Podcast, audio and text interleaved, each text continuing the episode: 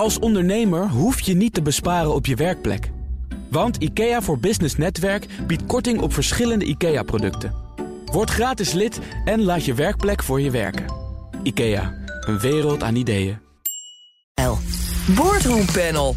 Kledingmerk Scotch Soda heeft faillissement aangevraagd. Is er nog een toekomst voor het bedrijf? En welke misstanden heeft Uber-klokkenluider Mark McCann aan het licht gebracht? Dat en meer bespreek ik in het Boardroom Panel met Marieke Engbers... universitair docent verbonden aan de Vrije Universiteit... associate partner van adviesbureau Reconsulting... en schrijver van het boek Onder Commissarissen. En Rob van Eijberg is hier ook haar collega aan de Vrije Universiteit... hoogleraar integriteit aldaar en organisatieadviseur. Welkom, dame en heer. Dankjewel. Laten we beginnen bij klokkenluider Mark McCann. Die deed afgelopen week een boekje open over de ontvangst van Uber in Nederland... in een hoorzitting met Tweede Kamerleden. Waar andere Europese landen probeerden het taxibedrijf strenger te reguleren... en meer belasting te laten betalen... rolden Nederlandse politici en de Belastingdienst de rode loper uit voor Uber. Hij zei zelf, we waren dronken en high van het succes... van de politieke invloed die we hier zomaar wisten te bereiken. Um, Rob, heb jij veel nieuwe dingen gehoord of gelezen? Ik heb geen nieuwe dingen gehoord. Uh, maar ja, ik vind toch het meest opvallende is de ja, bijna grenzeloze manier waarop in Nederland, door de huidige regering zonder politieke discussie, het bedrijfsleven wordt gesteund bij het behoud van banen. En dat, ja, daar valt moreel iets over te zeggen. Duizend banen, hè? Ja. Waarvan Mark McCain nu zegt... Uh, de belofte dat die dan naar Nederland zouden komen... of hier zouden blijven, was, die is uh, naïef. was heel vaag. Maar, maar ja. mag je misschien als uh, Nederlands kabinet wil je best doen voor werkgelegenheid al hier? Ja, natuurlijk. Dat, is, dat vind ik een van de belangrijke taken. Maar uh, niet, niet voor elke prijs. Uh, er zit een moreel verhaal aan. Dat kan niet. Als je kijkt, hè, wat ik dat is voor mij nieuw van McCain over hoeveel belasting dan de belofte was dat betaald moet worden. Ja, dat vind ik echt grenzeloos. Zeker als je dat in Europees verband bekijkt. Ja. Nou kwamen die Uber-files eerder naar buiten. Hè? En de staatssecretaris die verantwoordelijk is voor de Belastingdienst... meneer Van Rij, heeft toen gezegd... beste Belastingdienst, doet u graag nog even onderzoek naar uw eigen handelen... uw eigen relatie met Uber. En de Belastingdienst, ja, ik zeg het maar even zoals het is, zegt... we hebben eigenlijk niks on gedaan. Uh, we hebben informeel wellicht, maar ook professioneel gehandeld. Ja, nou ja, de Belastingdienst is de laatste jaren wel vaker in het nieuws geweest met, uh, met de dossiers. Ik hoef ze niet allemaal te noemen. Uh, ja, dat, dit vind ik weer een uiting daarvan. Ja, ik, ik heb zelfs niet het onderzoek gedaan, maar als ik McCain hoor en al die documenten, gedeelte van heb ik dat mogen inzien. Vind je denk... overigens dat een dienst als de Belastingdienst, hè, op verzoek van de staatssecretaris, onderzoek naar zichzelf kan en mag doen? Of? Nee, dat vind ik ook. Nee, dat, dat moet natuurlijk onafhankelijk onderzoek gebeuren als dat uh, de vraag is. Ja. Hoe, hoe, kijk jij, Marilieke, naar, uh, nou niet de afgelopen maanden, want die files die kwamen al eerder naar buiten, maar naar wat er de afgelopen dagen dan weer is verteld door Mark McCann onder andere? Uh, ik merk dat ik bijna uh, stil wil vallen ervan. Gewoon... We zijn aan het begin van het panel, hè? Je moet nog even. Ja, ja nee, maar ik, het is zo. Uh, wat mij intrigeert, dat houdt ook hè, met, met ongezegde. Dat gaat ook over hoe bewust handelen mensen. Als je gewoon vanuit een automatische piloot handelt, omdat je de, de regels toepast, nou, dan kan je men kwalijk nemen dat ze niet nadenken. Maar in dit geval, wat mij intrigeert, en dat is eigenlijk al oud nieuws, maar dat uh, Nelly Kroes aan Rutte vroeg van: je moet deze man ontmoeten. En dat Rutte zei van: nou, dit, laat ik hem maar in Davos gaan ontmoeten. Uh, dat was voor mij wel eigenlijk zoiets van: oké, ze doen dus wel degelijk iets bewust. En dat, dat vind ik dus heel kwalijk. Want dan hebben ze dus ook, ook Nelly Kroes heeft natuurlijk allemaal signalen gehad. Het is allemaal oud nieuws, maar in de, dat frame, alles wat ik nu lees, wordt daarin uh, herhaald, zeg maar. En dan de rol van de Belastingdienst vind ik ook, ja, ja, zeker gezien wat we nu met de toeslagenaffaire. Wat, wat is de dialoog daarbinnen? Weet je wel? Is, zijn inderdaad die bedrijven zoveel belangrijker dan de, de Nederlandse individuele burger, de zwakke burger? He, da, daar moet je een antwoord op hebben. En het, denk het oordeel van de Belastingdienst over het eigen handelen, dat neem je dan ter kennisgeving aan? Nou, dat, dat is daar, daar kennisgeving aan. Emotioneel uh, lees ik dat als mindblowing van waar, waar zit je met je ethiek, met je zelfreflectie, met je wens om dit tot op de bodem te begrijpen. Want als je dit niet tot op de bodem begrijpt, kan je het ook niet op gaan lossen en krijgen we het volgende keer weer. Nou zegt Uber overigens over wat er daar gebeurd is, andere tijd. Ik heb uh, recent ook nog een gesprek gehad met uh, de baas van Uber hier in Europa. Die zegt, uh, geconfronteerd met de Uber-files... ja, dat is van voor mijn periode. Wij zijn inmiddels een bedrijf met een andere waarde, een andere topman.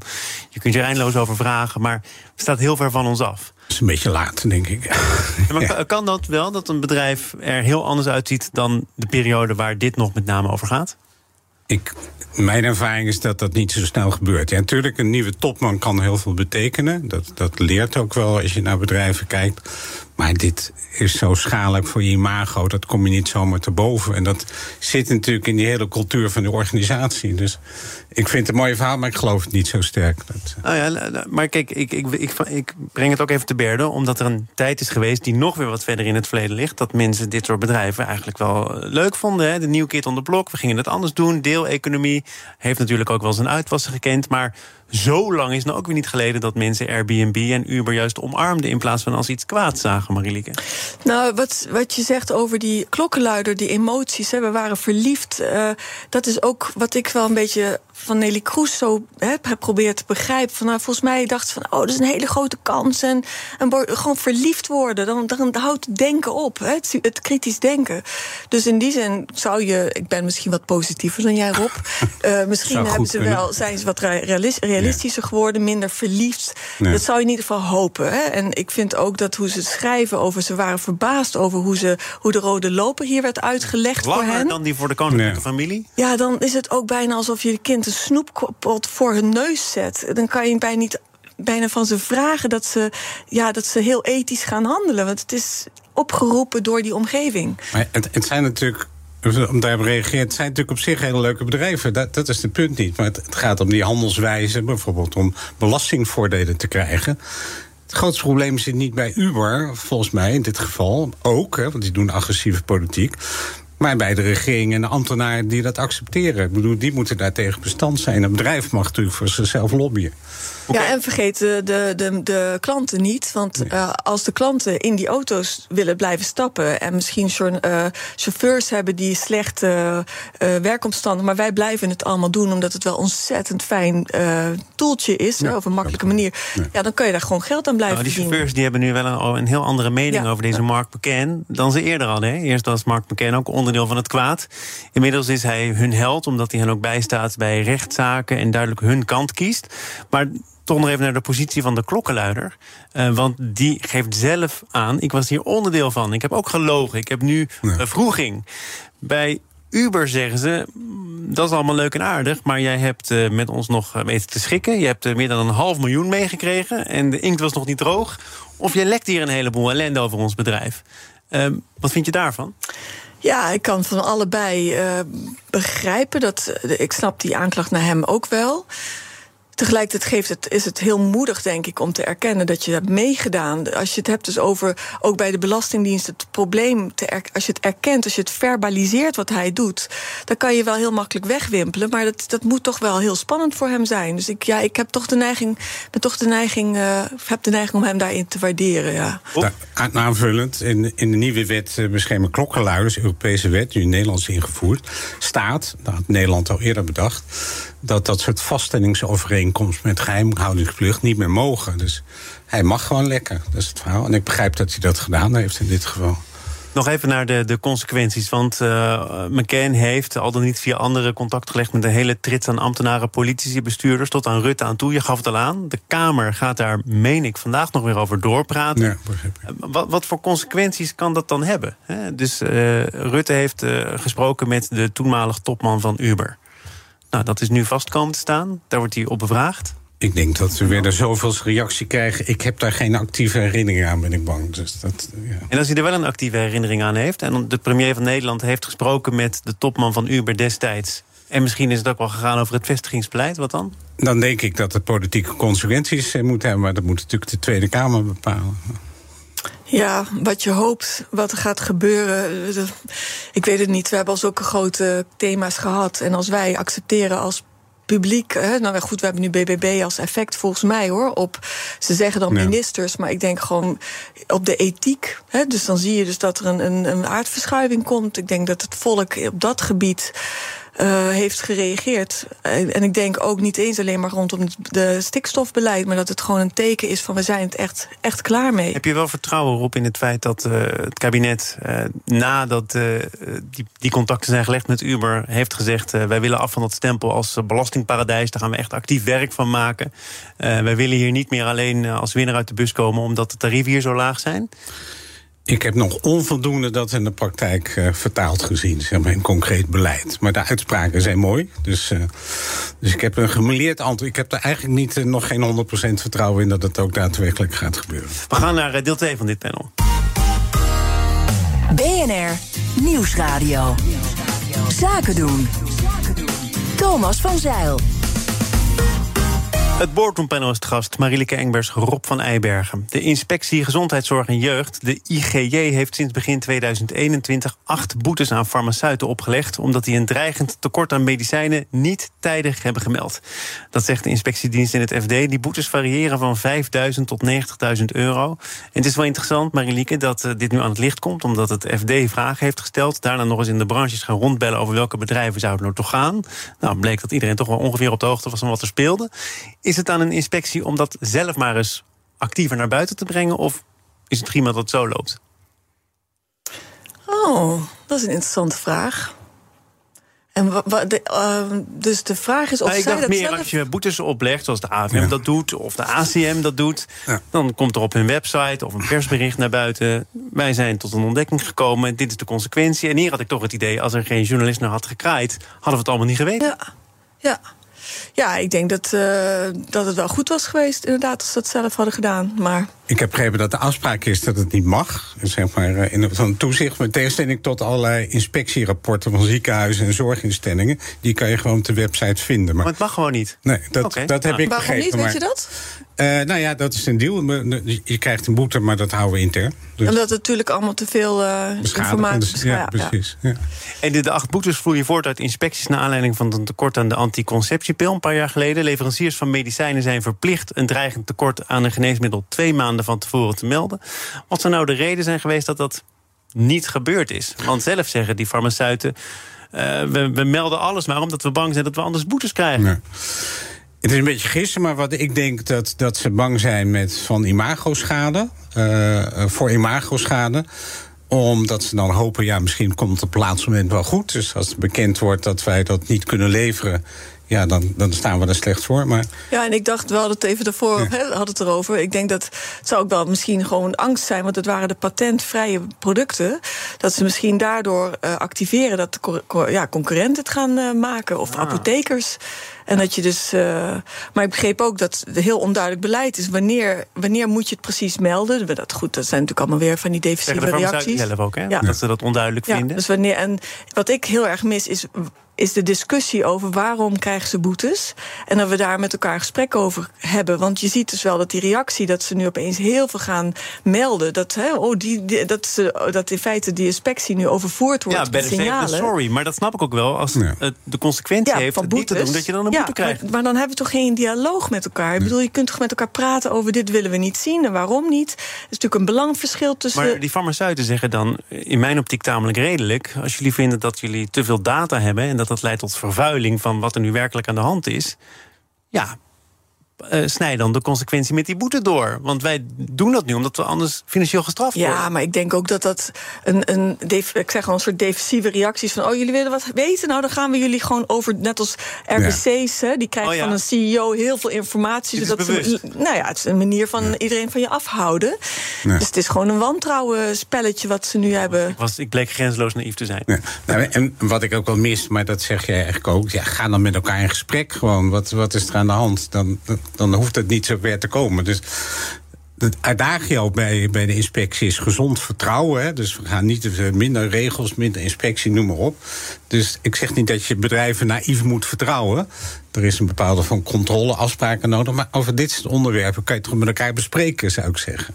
Maar het, het, aantal medicijnen waar een tekort aan is, dat loopt alleen maar op natuurlijk. Ja, dat is op zich een maatschappelijk probleem. Maar ga dan met elkaar in gesprek hoe dat komt. En wat, wat je zou kunnen doen wat te voorkomen. Dat is... is het wel logisch dat als er dan een boete wordt opgelegd... en dat is nu aan de orde, dat je dat probeert aan te vechten? En soms leidt het ook wel tot resultaten. Ik geloof dat een van die farmaceuten eerst voor anderhalf miljoen euro werd aangeslagen... en dat dat nu fors naar beneden is bijgesteld. Ja, dan zou ik ook zeggen, het mag dan wel defensief overkomen... maar als het mij een miljoen scheelt... Ja, natuurlijk. Ja. Maar dan ga je alweer een gevolg van het gevolg. We zitten al in een spiraal. Dan moeten weer daar weer allemaal mensen zich mee bemoeien. Dus het is zo on onzinnig als we die onderliggende discussie niet voeren met elkaar. En ik, ja, een CEO wil ook een reputatie, dus die gaat ook, hè, staat onder druk van zijn aandeelhouders. Dus die gaat dan uh, dat aanvechten. Ja, dat is ook een beetje stoerdoenerij. Terwijl ik denk dat het veel verstandiger zou zijn. Ga dan met die inspectie in gesprek. Van hoe kunnen we dat anders doen? Maar ik begrijp de reactie op zich wel natuurlijk dat je dat wil aanvechten. Maar ja, ik, ik zit uh, in een andere sector. Heb ik, zit ik vaak tussen die inspectie en, en een RVC. En dan zie je dus hoe moeilijk dat gesprek gevoerd wordt. En ook hoe moeilijk. Kijk, op het moment dat zo'n RVC op papier schrijft waar ze moeite mee hebben van de inspectie, dan staat het in de wet openbaarheid bestuur. Dus dan moeten ze ook weer verantwoording leggen. Het zijn soms sensitieve gesprekken.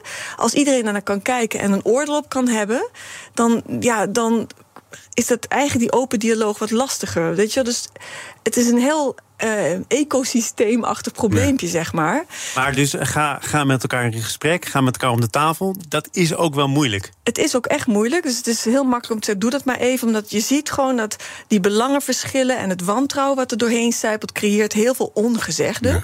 En om dat te overbruggen, daar, daar moet je wel eventjes heel.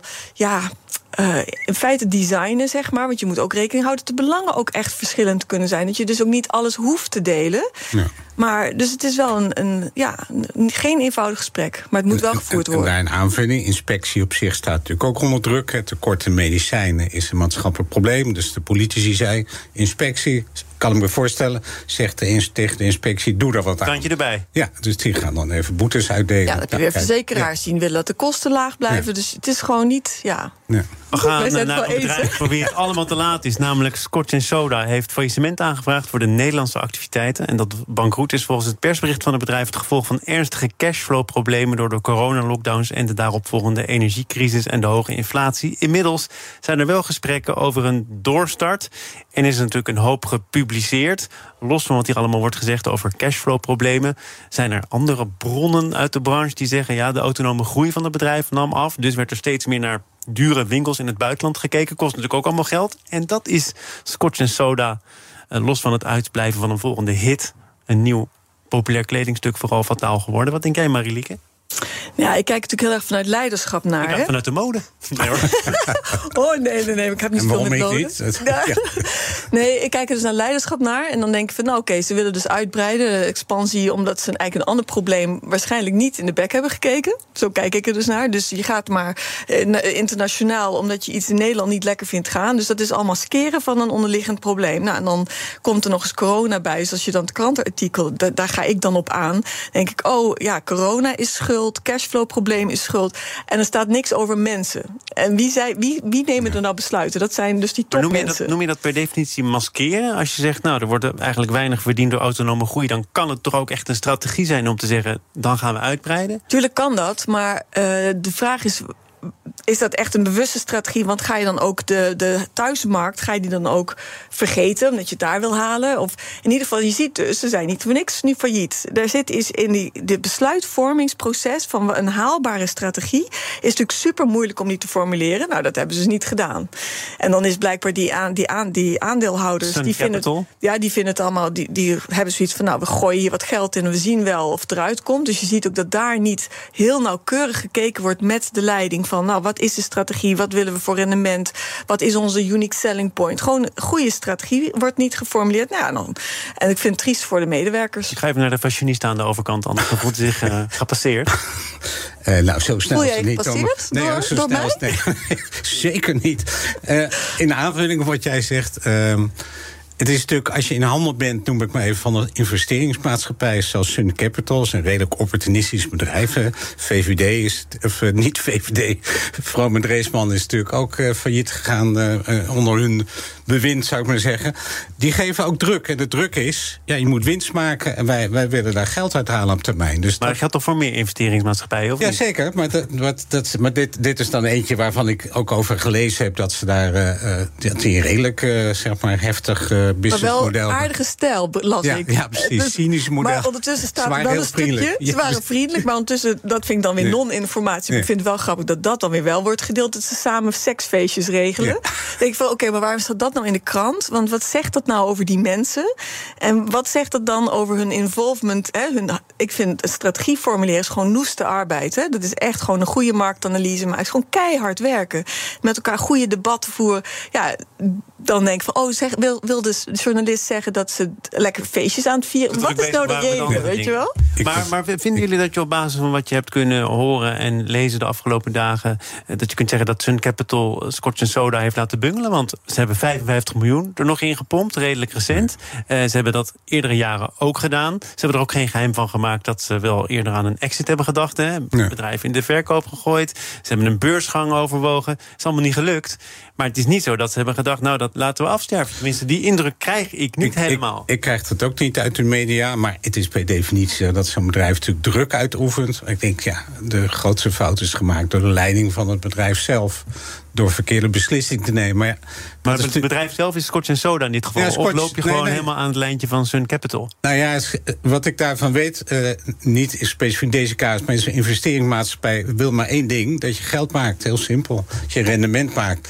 En uh, Scott en Soda hebben daar de, Soda hebben daar de verkeerde keuze in gemaakt. Maar dat is altijd achteraf. Hè, dus. Ja, dat denk ik ook. Dat die relatie tussen die twee gremia is natuurlijk wel degelijk heel bepalend. Als ze alleen maar korte termijnen gericht zijn en ze zetten er veel druk op. Ja, en dan heb je nog banken, leningen. Ik zet jullie ook even onder druk. Ja. Dank u wel. Leden van Dank je wel, Thomas. Ja, Marilike Engbers, universiteitsdocent aan de VU... associate partner van adviesbureau Reconsulting... schrijver van het boek Onder Commissarissen... en Rob van Eijbergen, hoogleraar integriteit aan de VU... en organisatieadviseur. Dank u wel. Boardroom Panel wordt mede mogelijk gemaakt door NCD, de Nederlandse Vereniging van Commissarissen en Directeuren. Als ondernemer hoef je niet te besparen op je werkplek. Want IKEA voor Business Netwerk biedt korting op verschillende IKEA-producten. Word gratis lid en laat je werkplek voor je werken. IKEA, een wereld aan ideeën.